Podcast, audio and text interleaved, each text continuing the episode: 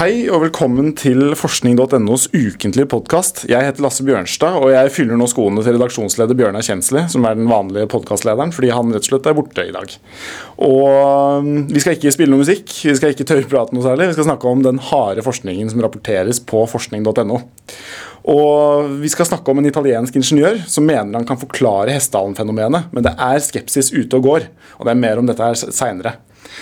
Et forskerteam i Antarktis gjorde en banebrytende oppdagelse for en liten tid siden. De gjorde funn som kan bevise at universet utvidet seg i kjempefart i løpet av det første lille øyeblikket etter Big Bang. Men nå går det rykter om at forskerne gjorde en kritisk feil. Og bråket ved flyplasser kan gjøre deg tjukkere, sier en svensk studie. Det skal vi i hvert fall høre mer om etterpå. Men uten å bråke altfor mye. Men først lysene i Hessdalen. Eh, for det har vært lenge snakket om disse mystiske lysene over Hessdalen. Og forskere har prøvd å finne svaret på det siden 80-tallet. Og nå er det en italiensk ingeniør som mener han kan ha svaret på dette her. Og journalist Arnfinn Christensen, hva er det han egentlig har funnet ut?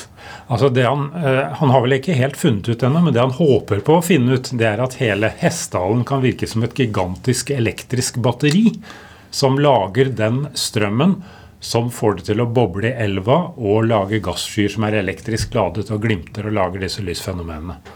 Hvordan er det egentlig mulig at en dal kan være et batteri? Ja, altså Den ene dalsiden inneholder eh, mineraler med litt mer jern og sink, og den andre dalsiden inneholder mineraler med litt mer kobber. Og kobber har litt andre elektriske egenskaper, veldig grovt sagt, da, eh, enn eh, jern og sink. og Det tilsvarer da elektrodene i batteriet. Og så du vet Fra et bilbatteri så er jo disse elektrodene nedsenket i vann. Man må jo av til fylle vann på et bilbatteri. Iallfall måtte man i gamle dager. I dag er det vel forseglet. så du kan ikke gjøre noe som helst. Men iallfall denne elva den består jo normalt av helt rent vann. Men for at eh, det skal virke i et batteri, så må det være det du kaller en elektrolytt. Du må lede elektrisk strøm. Og da kommer eh, en gammel svovelgruve til nytte. Altså Der kan det sive eh, svovel ut av denne gruva i vannet og lage svovelsyre, rettere sagt, og lage slike elektriske ladede partikler som gjør hele, hele elva til elektrolytten. Og vips, har du et batteri. Enkelt og greit. ja, hvis det, hvis det, virker, da. Altså Italieneren sier at han har prøvd dette her med å ta én stein fra hver dalside, sette ned i elva, og strømmen gikk visst så det suste. Han fikk lys i, eller kunne iallfall fått lys i en lampe.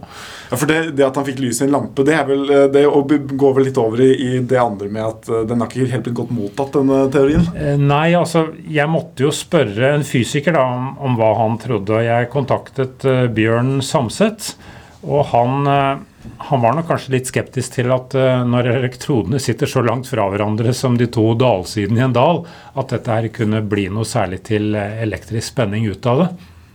Eh, og han mente vel også, når han hadde kikket på en del av disse avhandlingene og referansene, at mange av disse tidsskriftene som dette er publisert i, de, de har ikke så veldig høy det vi kaller impact-faktor. altså De blir ikke sitert så ofte. De regnes ikke som så veldig tunge og seriøse, for å si det sånn. Han mener vel på generelt grunnlag at disse veldig ivrige forskerne Mange av dem er, er ikke forskere, de er ingeniører. Men det er jo ikke noen hemsko. De har, kan jo ha greie på det de snakker om likevel. Men at de går litt for fort fram, rett og slett. altså. Mm, sånn at den er, er han, han, um... han, han tror ikke helt at de er i mål, men de løper, de løper, så fort at de har begge beina i lufta, for å si det litt sånn. Men, men entusiasme er jo ikke noe man skal man skal jo ikke kimse av entusiasme, så det kan komme noe ut av det. og Det sa Bjørn Samset også. Han ville bare gi dette her litt mer tid. Da er det spennende å se hva som skjer. da, Om ja. Eh, vi faktisk har en forklaring på Hessdalen-fenomenet. Det siste ordet er ikke sagt om Hessdalen. Takk skal du ha, Arne Christensen. I mars så presenterte et forskerteam en ganske sensasjonell oppdagelse. Det er, eh, Forskningsverden ble nesten gispet da denne forskergruppa bak instrumentet Bicep2 i Antarktis annonserte sin nye oppdagelse. De hadde funnet slags, et slags avtrykk av gravitasjonsbølger i eldgammelt kosmisk lys. Men det kan være ugler i mosen, eh, eller hva, journalist Ingrid Spilde? Ryktene går på fysikerne sin eh, ryktebørs at det kan være alvorlige problemer med dette resultatet. Så ingenting er sikkert uh, enda, dette er bare rykter, men uh, det er jo litt spennende likevel, da. det er morsomt å Vi kan jo sladre litt, vi også, i, uh, bak forskernes rygg.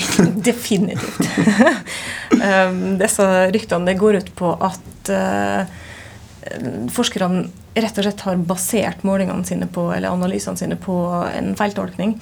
Eh, fordi eh, disse eh, avtrykkene i lys, kan du si, eller polariseringa i det lyset som de har registrert, det er veldig, veldig, veldig fine, små hva skal man si Veldig nøyaktig? Veldig, veldig, veldig nøyaktig og veldig små ting de ser, ser etter. sånn at det er jo veldig sårbart for forstyrrelser. Og en av de tingene som kan forstyrre disse resultatene, er kosmisk støv i vår egen galakse. Og så har de prøvd å De vet selvfølgelig om dette, her, så de har jo prøvd å unngå det ved å finne områder av eh, himmelen hvor det er lite sånt. Og da har de eh, basert seg, så vidt de skjønner, på eh, kart over dette kosmiske støvet. Men nå er det altså noen som mener at tolkningen av dette kartet ikke er helt riktig. da. Så da kan det faktisk hende at disse gravitasjonsbølgene fra verdens første sekunder er bare støv. Men dette her er jo fortsatt Igjen, dette er bare rykter, og, og ingenting er jo ordentlig publisert ennå. Så, så, burde de ha gått ut med resultatene allerede nå, før, lenge før noe er publisert? Ja, det er jo det store spørsmålet. Altså, du, man kan jo tenke seg er de bare useriøse forskere, og det er de antageligvis ikke. For dette her er solide forskere, og de vet hva de går til når de legger ut eh, resultatene sine. sånn, Men det som er litt interessant, er jo nettopp det du sier, at det, dette er ikke publiserte resultater.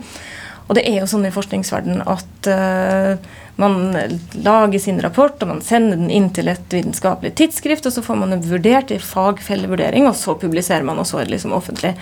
Men uh, i det siste så har det vokst fram en ny trend innen fysikk og uh, astronomi hvor forskerne legger ut resultatene sine og presenterer dem før de har gått gjennom fagfellevurdering. Um, og det, det, er det en del eh, negative ting ved, men også en del veldig positive. Uh, den positive tingen er jo nettopp det som skjer nå, da, at alle mulige forskere med en nærhet til uh, temaet som det er skrevet om, kaster seg over resultatene plukker dem fra hverandre og ser om de kan finne et eller annet som svikter på en eller annen måte. Og ja, virkelig går gjennom hele greia med argusøyne. Um, og da får du jo masse eksperter som ser på det fra forskjellige vinkler, istedenfor at du kanskje har en håndfull med uh, fagfeller som vurderer det for uh, et vitenskapelig tidsskrift. Så sånn sett så er det jo uh, en kjempefin kvalitetssikring etter hvert. Men problemet ved det kan være akkurat sånn som nå, at man har et resultat som er kjempespektakulært, så går man ut med det, og så skyller det over verden. Alle gisper, som du sier. Og um, dette har sett um, på en måte som, uh, som en sannhet uh, før man egentlig er helt sikker. Og vi vet jo alle at uh, den saken som handler om at Nei, det var egentlig ikke helt sånn. Den får aldri like stor publisitet som den der første knallsaken. Så den saken burde egentlig kommet når de har publisert ordentlig og på en måte er ferdig med alt? Men nå, nå, har allerede, nå, har allerede, all verdens uh, forskningsnyhetssider som oss Vi har også rapportert at dette her er en kjempesak. Ja, Men selvfølgelig. Ja. Altså, I verden fungerer jo ikke sånn. Nei. det er det. Men, uh, men flott. Da, da, får vi se om det faktisk er noe hold i disse ryktene etter hvert. Det blir veldig spennende, og det får vi antageligvis vite litt mer om uh, mot slutten av året. fordi da kommer det inn resultater fra Eh, et annet team som holder på med det samme, Planck-satellitten. Um, og hvis de finner lignende spor etter gravitasjonsbølger, så er det jo en indikasjon på at uh, de hadde rett allikevel, at de faktisk har sett det. Men er det ingen spor i de nye undersøkelsene, da er nok oddsen ja, større for at det er kosmisk støv de har sett. Da venter vi i spenning på de nye resultatene. Takk skal du ha, Ingen Spilde. Og nå over til noe helt annet. Nemlig støy ved flyplasser og sammenhengen med tykkere mager. En svensk studie har undersøkt kvinner og menn som bor i nærheten av Arlanda flyplass ved Stockholm, og funnet ut at de rett og slett ble tykkere rundt magen. Og journalist Anne Lise Stranden, hvordan kan egentlig støy føre til større magemål? Ja, det sier jo studien egentlig ikke noe om, men eh, det kan muligens ha sammenheng med stress. At lyden også da kanskje fører til eh, en stressreaksjon, som igjen fører til at man legger på seg. Eh, og særlig da rundt magen. Fordi det studien også har funnet, er at det er en, eh, en, særlig en sterk sammenheng for personer som også um, uh, var stressa i jobben. Hvor mange er det som har vært med i denne studien? Der? Hele 5000 personer i fem ulike kommuner i Stockholmsregionen. Det er alle som ligger liksom rundt Arlanda? Ja, nettopp. Og der har de da sett at uh, særlig de som bodde nærmest, og ikke flytta igjen i løpet av den tiårsperioden studien pågikk, hadde størst økning i, i mageomkrets. Hvordan er egentlig denne studien er utført? Hva er det de har gjort med disse 5000 menneskene? Eh, studien er utført gjennom en kombinasjon av eh, spørreskjema som de har eh, fylt ut gjennom flere år, og rett og slett måling av mageomkretsen. De, de, har rett og slett gått inn med målebånd og, og, og, sett på, på magene til folk? Rett og slett. Hvor mye større ble magene deres, da? I gjennomsnitt så økte mageomkretsen med 1,5 cm for hver femte desibels økning i støy. det, det, har faktisk en skala i forhold til desibel og magemål. Ja. Da får vi holde oss litt unna bråk, da, rett og slett. Ja, og det som slo meg da jeg leste denne studien, var at uh, kanskje øreklokker er en, det nye slankemiddelet. Det høres veldig, veldig lurt ut, egentlig. og hver, eh, når man er på støyete plasser, så bør man egentlig ha på seg eh, hørselsvern for å ikke legge på seg.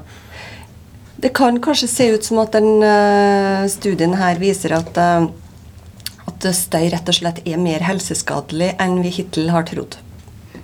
Flott. Takk skal du ha, Annelise Stranden. Sakene om Hessdalen, ryktene om bakgrunnsstrålingen og flyplassmagene kan du lese mer om på forskning.no. Jeg heter Lasse Bjørnstad, og vi snakkes i neste uke.